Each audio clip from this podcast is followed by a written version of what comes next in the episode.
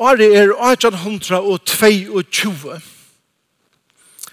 Frans Schubert, det kjenta stora tonaskalte, er ferne gang vi å skriva sine, sine åttande symfoni. Og han ferne gang vi å skriva sin symfonien av 25 år gammal. Og i 1822. Bara 6 år åren han døg. Schubert var bare 71 år ta i han døy. Ofta hugsa við um tær, þessi stóru tónskaldna, døyis og tulja og kosta at skriva sum nei. Mozart sum skriva mest av öllum døyi 75 år gamal. Og han fyrir gongt við at skriva og han skrivar, men hesa symfonien, 8. symfoni, gjørði Schubert ongand og litna. Vanliga hever ein symfoni, trutja satser, kussu så er. Eh, ta minst som som er symfonist. Eh, Frans Schubert skriver bare tvær satser, og så skriver han ikke mer. Og navnet av symfonien ble tog øyla kjent.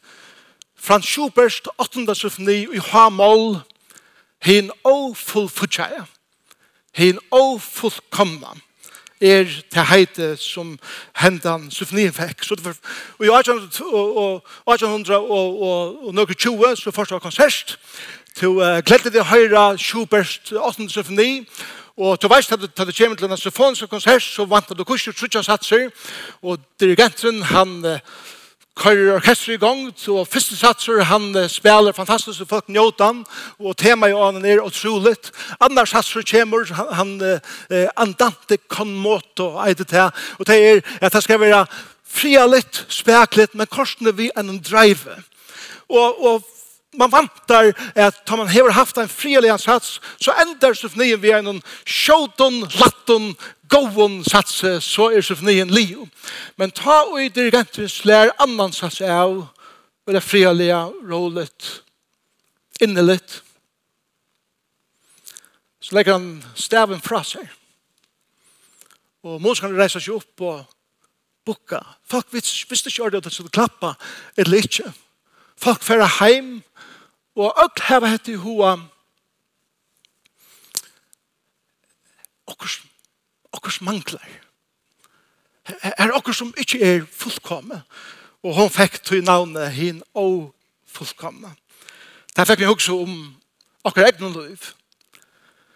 Er råkar vid mengan føler okkar som ein og fullfudja og fullkommen symfoni. Man føler, man hever seg kjensle av at omstående kommer er så er. Marska er. Løyve kommer er så blanda av leikande kjenslen inni og i mer, til at bilar som nekker min løyve, til snakk vondbrot, til snakk sar, til snek broten leikje til snakk forstyrres rundt om meg, som alle tog teker tankene, er at han er en her som jeg burde konsentrere meg om jeg haft mine tankar, og sånne andre ting, er det som jeg tenker som kanskje føler kunne det, at føler meg simpelthen så obrukelig. Kom her og jeg føler ikke at jeg, jeg kan kjeva nega og, og man føler kanskje det samme arbeidsplassen og jeg klarer ikke å leve opp til krøvene som er om og så videre. Og jeg rakker ved at ta og vi hitje inn i livet så kunne øren, så kunne vi alle være samt om at mengan så føler vi at vi ikke stretcha til og tanken kommer til øye ofte hvordan kan god bruka et menneske som meg. Hette røyen er om nøye.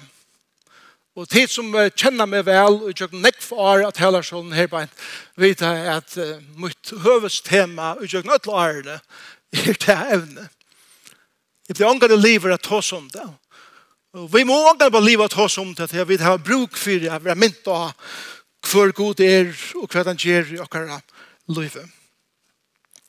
Vi vet at vi at nekv av taimon menneskene som Gud brukte allar størst og mest og i jøkken skriften er våre folk som var ofullkommen ofullfudja og som visste det Jeg vet ikke en lista, jeg har en lista her i min økere av taimon Moses, stemmer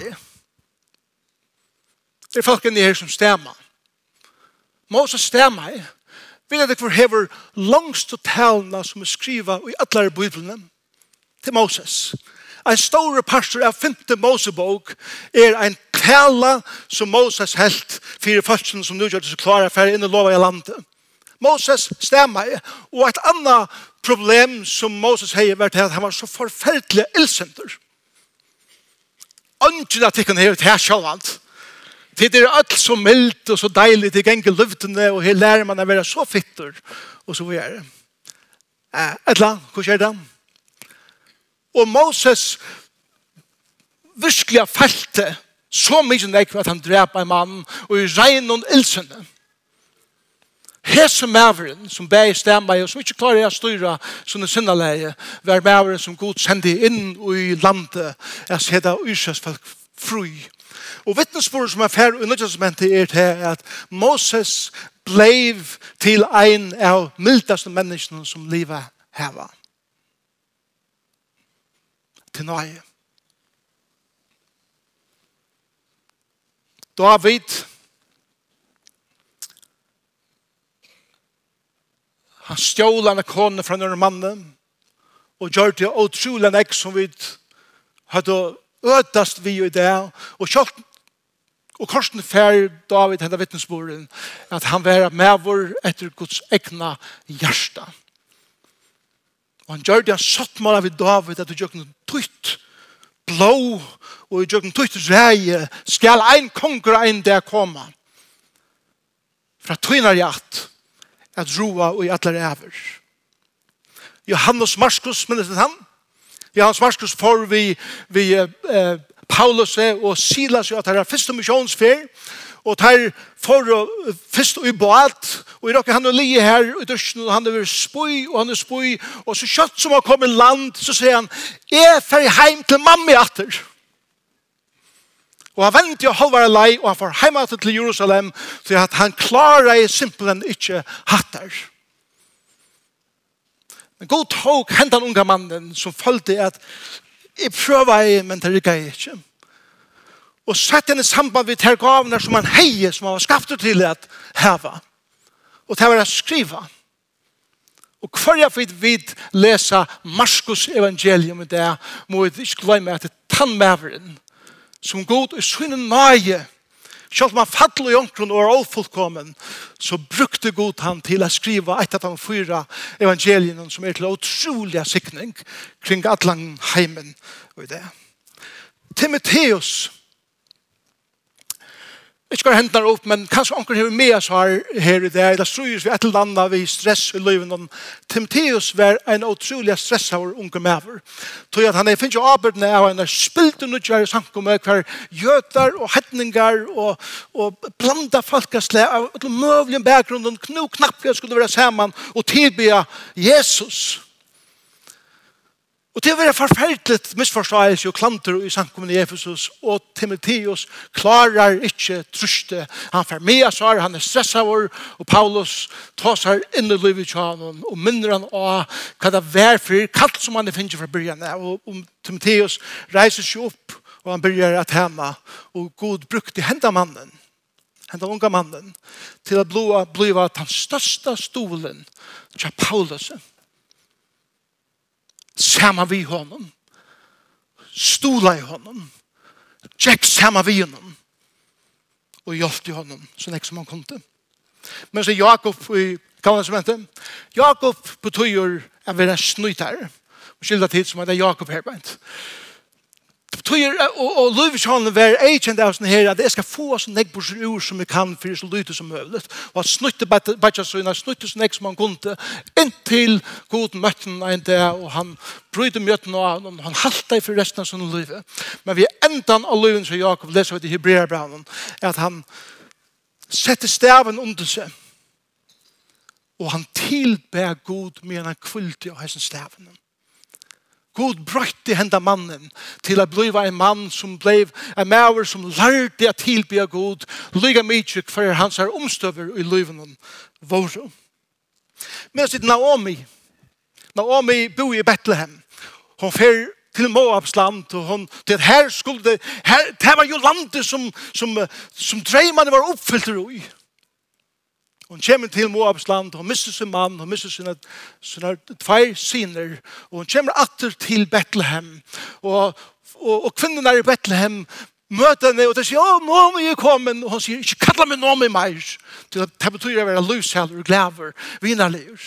Kalla meg Mara, som betyr å være bæskur. Det er god til å være herrer ved meg. Men god leie det så leis, og jeg gjør noen rutt, er at hendan barska kvinnan, ta og i rott fær en son, kan sida vi hennar sonne og vera omman til honom og teka seg av honom. Og god oppfyllte her dreiman som hon fra byrjan av heie. Sjalt om det var fallner i henne egna atlanen, så hei god større dreimar for henne enn han hei sjolv for seg sjolv her. Og sæt vi som battenen, som blei eisende eitat heimen og i atalinen tja Jesus sjolven. Men det er Jeremias.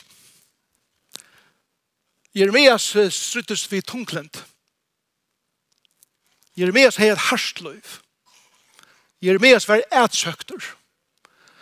Jeremias enda vi at han var dripen, og han var tradisjon sier at Jeremias var sier i helt. Det var hans herre deie han har sjåmorstankar. Han sier beinleis og Jeremias bok god, gjør jeg av meg til at jeg klarer jeg til dette livet. Og Jeremias har bok, har vært en av de bokene som vi har lyse og i kjøkken alter, som har vært til utrolig sikning for folk som strøyast vi tunglende, eller strøyast vi eh, mågångt og alt de tingene i livet.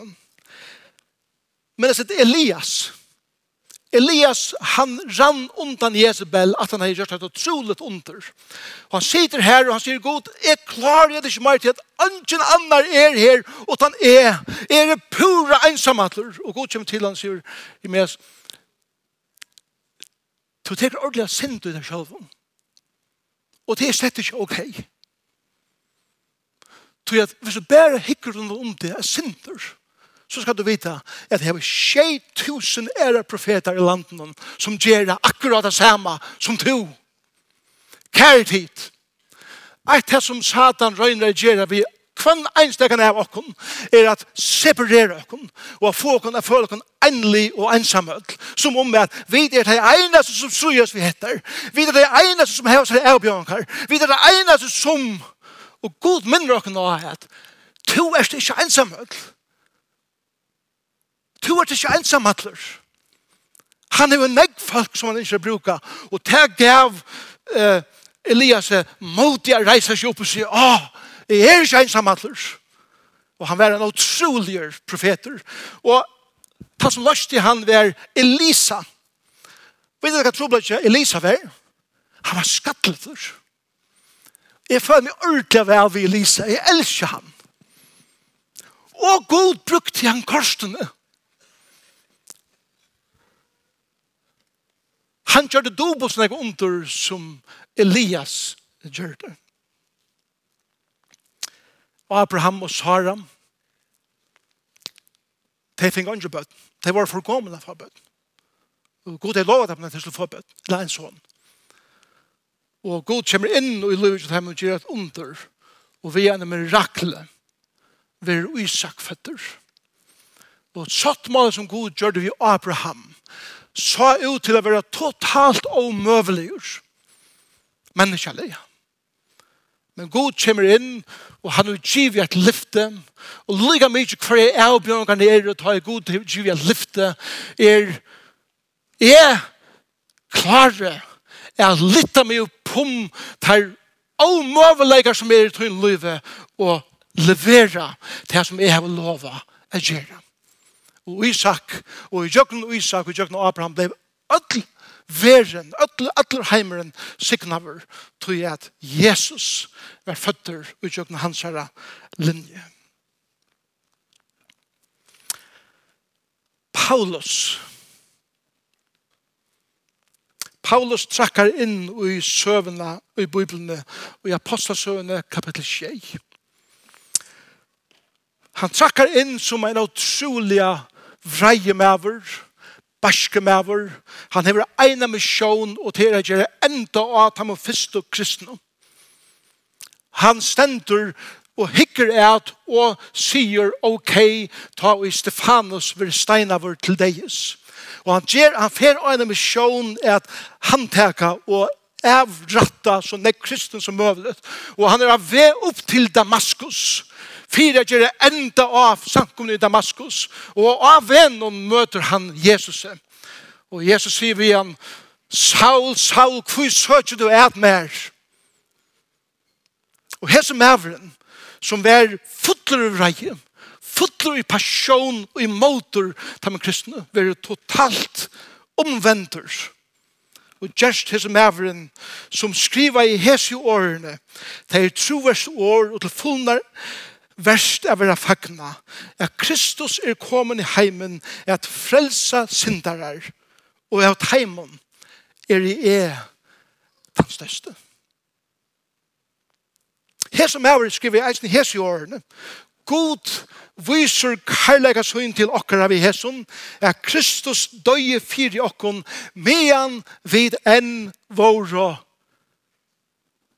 syndarar. Syndarar Og settene skriver hese med en hese i årene. Karlæsjen er lengmåger. Karlæsjen er milder. Karlæsjen blir ikke øvund. Karlæsjen reipar ikke. Han blases ikke opp. Han ber seg ikke å sømle et. Han søker ikke sitt egna. Han gøymer ikke akk. Han tildragner ikke et ytla. Er det så utrolig? Samme maveren som vi suttja i apostelsønne tjei, skriver hese åren. Transformerer av nøye gods. Ta vi ta som Johannes, jeg spurte ond og jar, ta vi ta som, eller ta vi ta som Johannes, evangelisten som skriver Johannes evangelium, hvordan huksa du om han? Og ond nevnte meg med noen øyne positive ting om Johannes. Og jeg sier vi henne, eh, vi vil glemme hvordan Johannes vær. Jesus skjever Johannes og Jakob et eknevne. Men minnes du hva det er? Tår og siner. Tår og siner. Det sier noe om denne personlighet. Det var jo ekvislir i maten det var jo på. Det var jo en fiskemenn vi vid Galea vatten. Det var størstjer altså sterske personligheter, De, de var stolter av hver det var, tykker vi, der var dogmatiske, de var fordømende, de var nøyeleser, og de var utrolig manipulerende, eisne, og i maten de var på. Eller for ta, i Jesus gong vi lærer fra Jøkken Samaria, så kom det inn en lutta bygd, og hentan bygden, den lutta bygden, vil ikke tega mot Jesus. Og Johannes sier vi Jesus, Herre, Vil du at vi skulle bli eld fatla nir himle og at øya deg? Og ikke anmenn det her. Hatt er Johannes tid som sier dette. Han, han hever det her. I måter øtlun som ikke vilja makkarat. Et annet som, som er utrolig manipulerende ved Johannes er det at ta Jesus tar seg om rydkjen Han er kommet til oss som rydde gods, og lær for henne, og alt som hørte han til oss som det er helt og at han skulle gjøre av i romverska rydde og komme inn i en nødtjør rydde, som gjør at han skulle liva og i sus og dus resten av dette av. Og Johannes, og det er så mye chicken, at han sendte mamma sin til oss av Jesus, og sier, kan du spyrir Jesus om og det heter badjane, Jakob og Johannes, om vi bare kunne slippe sida vi kvarsina suje av Jesus, til han sitter i sin hasate, Kunne vi få at her beste påstander? Jeg vet ikke hva det er for Jon. Kan jeg være futjamalere her og futjamalere her? Det er hva som skal være. Kan jeg få disse påstander som verlig heva? er nevnt seg som verlig heva eh, averskan. Mamma, kan du spyrja han det? så, utvarset sterskur, men at det verlig kommer til det, så tar man korsene ikke så øyelig vel. Vel.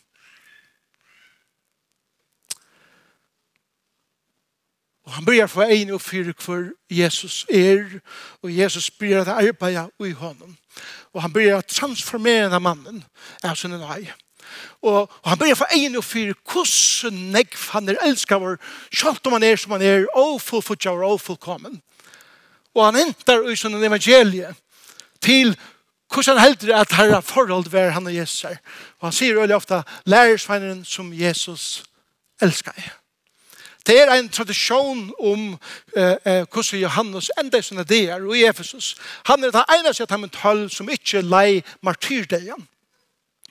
Og man leser om at han var i, i, vid sånne deia sang, og falskene i sangkommen i Efesus kom til han av vidjan, og de søtte vi han, gå Johannes, kjev okkur eit år sett. Og Johannes sier vi til, vi han liker sangene, elsker først annan, eller kvart anna, ens og Jesus vil elska okken. Når det er sett det, så kommer det etter tiden og sier, Johannes, gå og tjokk noe år sett. Og Johannes sier, elske hver annan. Ens og Jesus vil elska okken. Det var det som la honom kjipst av hjertet. Han sier, en er sånn her, hese årene, suttje det er første brevnen, suttje hvordan stor han karlaga færen i okkur er at vi skulle kallast bøten gods, tankasrika, og det er vi. Og at året suttje, ikke bare, jeg kan lukke ikke etter snir eller sørst du her, det er dramatisk, det er et enfatist år som, som, som betyr, hevde nekker sen nekker luknande. Det Hei, du bare vita hva det er å se. Kom og hygg. Jeg trykker det at det er sveien som har suttet er det som han mener vi Han er karlægan som han har opplevet som feiren Hei, vi giv i hånden er at vi i tjøkken av Jesus skulle få oss av nøyene at vi er frelst. Hva er det felagsnevneren for alle disse menneskene som jeg har nevnt hans i løtene har steger opp? Hva er det felagsnevneren? Nøye. Jeg vil ha ombrøyter. Jeg kan til tale det løvs ombrøytende nøye. At, at, at vita hvor man er, men jeg suttja, kanskje at ånder suttja, hvordan man vil transformere vår til den personen som god atler med til å være. Stadvek vi som personlighetene. Stadvek vi som feilene. Stadvek vi, vi som avmarskingen og ofullkomne leikene i åkere løyve. Men god teker til og bruka det til sina ære og til sina dyrt. Det er nøye. La meg definere nøye for det som en skriver dem. Nøyen er som livgjevande kossor av deier varrar. Nøyen er rennade vatten og opptorskaja målt. Nøyen er som olja og åpe sår. Nøyen gjever liv Hon gjever fralse, hon gjever vogn, hon gjever helsebåt, hon gjever taksemme. Nøyen gjever treitarlest. Nøyen gjever oavmarska. Nøyen gjever og gjever, men krever ikke at det fire. Hon gjever og gjever, men kan best foast vi tryggva ham som hever uillade seg nøyena. Jesus Kristus. Det er nøye. Jeg kan ikke ta seg om nøye løyve, om hvordan vi skal leve, utan jeg blir via komme atter til krossen. Vi kunne ikke separere nøyene og glemme å ta om krossen, og, og glemme å ta om det som hendte, og Golgata, og, og alt det som fylgjør vi tog. Til at det var av krossen, hver nøye og vreie møttest vreie gods imot synd, men nøye gods imot syndaren, møttest av Golgata krosset. Og alt det som Gud heta i, alt det som ikke var Gud, alt det som Gud vannleist vi, tok han av seg sjolvan. Jeg hei oppebåret av det straffavur, men han tok det av seg sjolvan. Det er miskunn. Jeg hei ikke oppebåret av få, men han gav alt Det er nøye. Som han kan si, miskunn er ikke at få at her som, som jeg har oppe på og nøye er at få at her som jeg ikke har oppe på det er bådskapen om Golgata, kære brøver og søster. Jesus døg i okkar av Golgata. Jesus gav sitt liv for okkar av synd av Golgata. Jesus gav sitt sjølvan for at vi kunne liva Jesus sikra i Golgata da han røpte at alt er fullgjørst. Ta og han gjør det til, og han gav opp anda, og trodde at det er reis opp at det fra henne deg. Ta, her som bådskapen er så viktig for åkne skilja, ta er vi frelst fra banne sindarinnar, kære brøver og syster som sikva av Jesus Kristus. Ta er ikke banne i vi tikkara livet. Ikke amen. Nekk vinnet hånda amen. Amen. Det er ikke forbannet seg i vi tikkere liv. God til vi tidsi det av krossen. God til vi tidsi det av seg sjølvan. Bannet som synden hever og mennesker som er fortapt er tidsin bostra Golgata vi trygg av Jesus Kristus. Men til meir enn her, kære bror og systrar, det er ikke bare at det er ikke noe bann i vi tikkere livet, men synden er heller ikke valgt i tikkere livet. vi da finnes styrst i hele andan til å si nei til synd i akkurat livet. Vi er syndere stadvekk, men det som vi da finnes i krossen og i frelsene og i hele andan er at vi pjøs ikke å krupa under synd. Han gir jo styrsta til å si nei. Amen. Ta i synd benkar på akkurat livet og vi velja. Og ein dag skal tilvære syndarinnar, være tidsin borste fra akon, da vil være tidsin ure som likamen, heim til herran, og i himmelen, er vera samme i honom, og hans herre her som ånden synd er. Kære bror og søstre, frelsan, er en gava fra Guds nage. Frelsan er grunderleie, grunderleie under frelsene er deg Jesus her av krossen og hans her oppreisen. Nagen og frelsen vil, vil tidsen i måte vi trygg.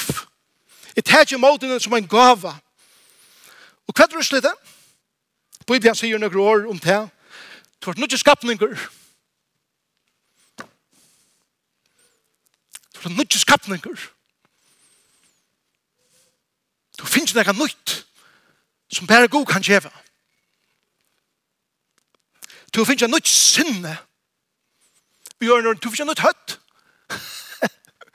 du finner ikke noe mat å hukse på. Du finner ikke mat å hukse på som heimeren ikke skiler til det mist. God omberer for dere og i dere forståelse om hva han er. Og hvordan står nøyen er. Vi lærer eisen, ja, vi finner ikke noe kærleika. Så et nytt høtt, et nytt hjerte. Jeg fikk kapasitet inn mot liv og i frelsene som var ut, ut inn av Golgata. Som vi var mynt av før møten om at djeva mitt hold og mitt blå til andre mennesker. Slipp fra at struja seg være sjølvsøkjen og bare det snur seg bare om meg og mine. Jeg vil jeg vil omskapte til å få et hjerte som er naturlig å si jeg vil offre med for at andre mennesker har det godt og være sikne. Og så sier han eisene, og derfor ikke han nødt vilja, så nytt hødd, nytt hjerte, nytt nytt bein, at jeg velger hver er færre, og hvordan jeg agerer i min liv. Til at min vilje være stort av viljen til hånden som har reie i min liv. Ta i livet, sammen med hånden, og suttje hver i han er. Nøyen er lusområdet. Jeg har nevnt at møvlig folk i bøyvene. Skal vi nå færre tjøkken ene sen i salen her beint? Jeg vil begynne med bjettene så får jeg til ond, her er vi omgått livet. Rita, heldur omgått liv. Vi alle er og fullkommen, er marska. Vi kunne haft lenge lister om ting i akkurat livet som vi, og det strøyest vi. Og på alle måter kunne vi få å føle som om at er totalt og så det som er og ta tøyene som er bruker på som legger imens ting god for aldri fætre i mer god hever lage fætre i der om du om du har givet et liv til han og krossen du skal bare trakke noe ut det Nei, han skal teke det, og han lytte det jo punkt her som du strøyes vi, om du løyver honom. Og han brukar det utrolig underfullt til ting som du aldri drømt om i livet, at du kunne være pastor av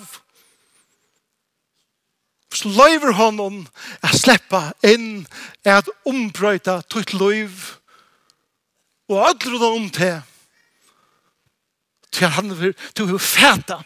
Johannes fæta i det at å, den store karlæsjen den nøye som han giver meg og, og det som er strøyes vi må inn løyve til type vi har tås om etter er jeg kan fatta det meir og meir og meir ut i livet, hvordan stor mye Guds er ut i livet, og let det komme inn innanifra, og brøyta det innanifra og ut. Så, så vi ikke bare er samfunn som kan sammen, og det er så deilig å være sammen, og alle aktivitetene som vi har her, og superduper, og vi standa i en holy huddle, og, og etter hver annan til å gjøre en dag, men vi er standa, vi fer ikke til, til dysten.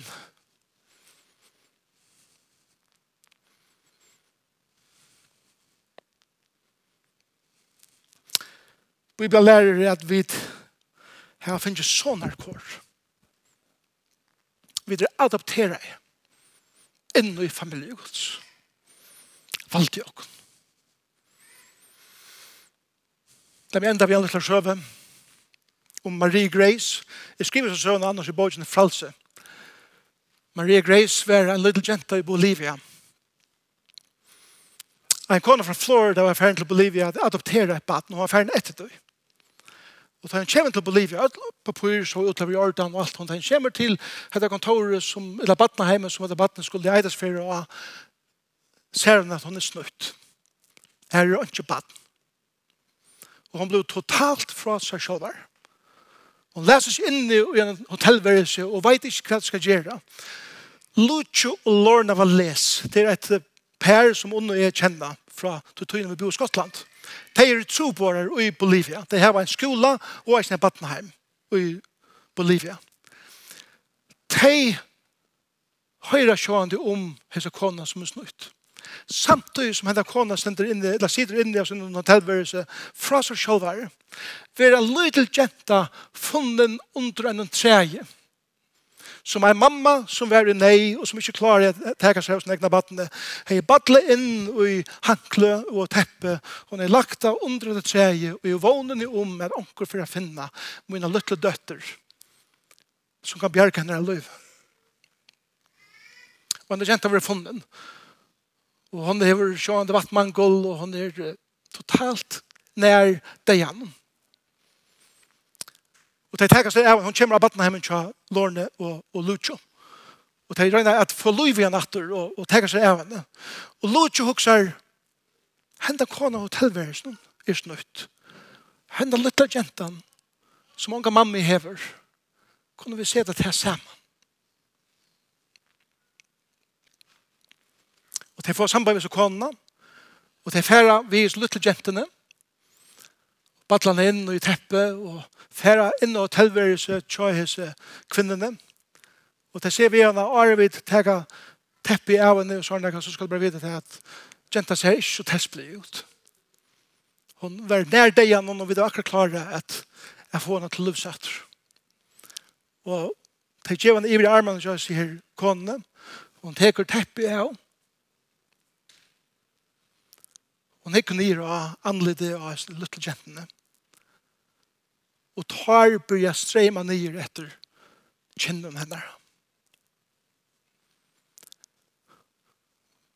Det er jo som tar nästa som sier inte passar, men lacknar vidare det at det er mulig. Karlægen som hendte kvinnan fikk til hese til jentene var så djuper og så iverveldende, så ivernaturlig at hun begynte å produsere mjölk i sunnen brøsten.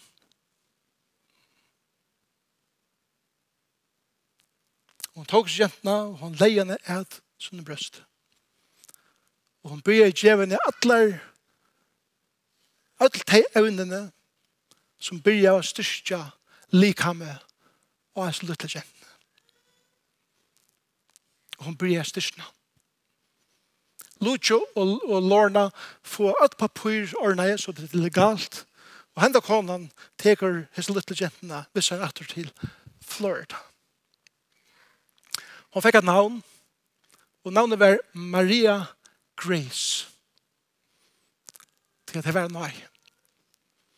Det som ånden visste, heldur ikke Lucio Lorna, var det at henda konan fra Florida var at eina baden til foreldren som var og noen av dem rykast og folken, folken i Florida, som åtte handelskjeder og alt mulig. Og henne lytte jentan er adopteret inn i en familie som er utrolig velhavende, og hun vil arveren til det. Og det er Maria Grace, cirka 22 år gammel. For det kan hun gjøre, henne er fremste misjon, og det er å bytja Batnaheim og Bolivia og kring alt Sur-Amerika for at kjenter som hon, som var funnet under trøven, eller ut av gøten, eller hva det som skal være, kunne få et triks det er kommet til. Hon ble adopteret inn i en arv som gav henne ressurser til å sikne ånder. Det som Paulus lærer oss er at Vi er å adoptere i inn i familie Guds. Han hever så stor en karlaga til togene at all næringen som tog er bruk for til tøyne andre liv og til liv i alle tidsje er fra honom til togene og tøyne adoptera i inn i en arv som er den største av ødlen og som er givet her og mer til å bruka ikke på meg selv men at gjøre han til sykning så at mennesker kring allan heimen kunne høyre evangeliet om Jesus Kristus. Fyra mennesker som ikke heva kunne få en huttig affæren i et eller annet sted av kvile sitt høtt og et eller annet måler inne sitt inn sin munn så er at så få folk i sin heime som møvlet genga sveng og heimeis.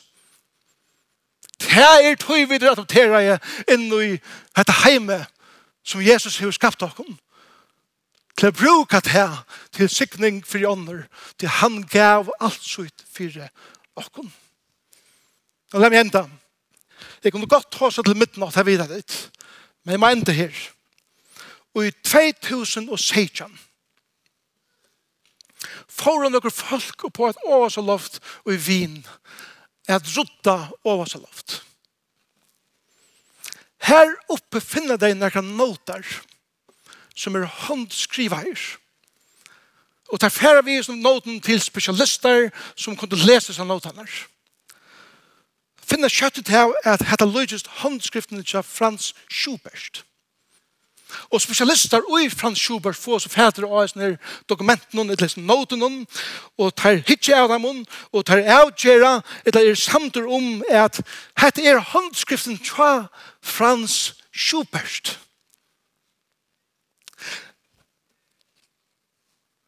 Som man sier Iva lest, som man sier møvelige. Jeg vet ikke ordentlig, men det er lydes hva skjer.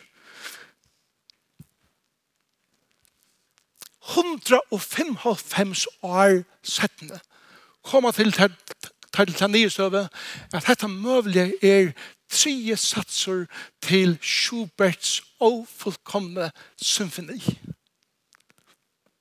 Hvor er det her? tog at hon skriva ja, hon skriva i Allegro. Så tog hever først Allegro andante, første satsen, så hever du Adagio con moto, og i øren satsen, og så hever du Allegro og i den sørste satsen, som er en lagte satsen, men minst til at symfonien er hamål. Hamål er en dore som er veldig dæper, og han fer kjenslene fram, fer sorgene fram og jokken. Men hva er til musikere, hva er parallell tonarsen til hamål? Det dur. Det dur. Alt det lagt til sannsynene som vi synes i her møtene er aller flest i det dur. Det dur er en, er en sånn uh, dur hver han glæver og fotleløyve og det som det kommer til er det at tre satser i Frans Schubert's symfoni nummer 8 som er en ofullkomna endar vi en dore som er fotleløyve. Han, det er som om at han, han, han vildi ikke kommer vi hesen her i støvn som vi er bant nå, men det ble funnet. Gleden i enden av sofniene var funnet. Kærlighet, det som vi vil si av det er at vi føler oss mennesker som, som en ofullkommen og ofullkomna symfoni. Men i Guds egen er det du er eisen til en liv. Tutt liv er ikke bare i mål. Tvitt liv er i dors til bæg sorg og til glede, til bæg skuffelse, men eisen er utrolig ivrasjer i tekra løyve, og god teker alt det sammen, og skaper vårs ur tøy vekerleikene, et vekers løyv som du kan sliva, som du kan skjeva til Jesus, er at slippe at få fæter ut her, og jeg kan løyve hånda få fæter ut mer. Nøye er givet tikkene, og tøy vil jeg si helst ut, ikke strøyast, Tid er god nok for gode til at han ser tikkun som sunne bøtten. Vi trygg for han djever han tikkun nøyene. Og til det var ikke mer er strujast fire og i livenen.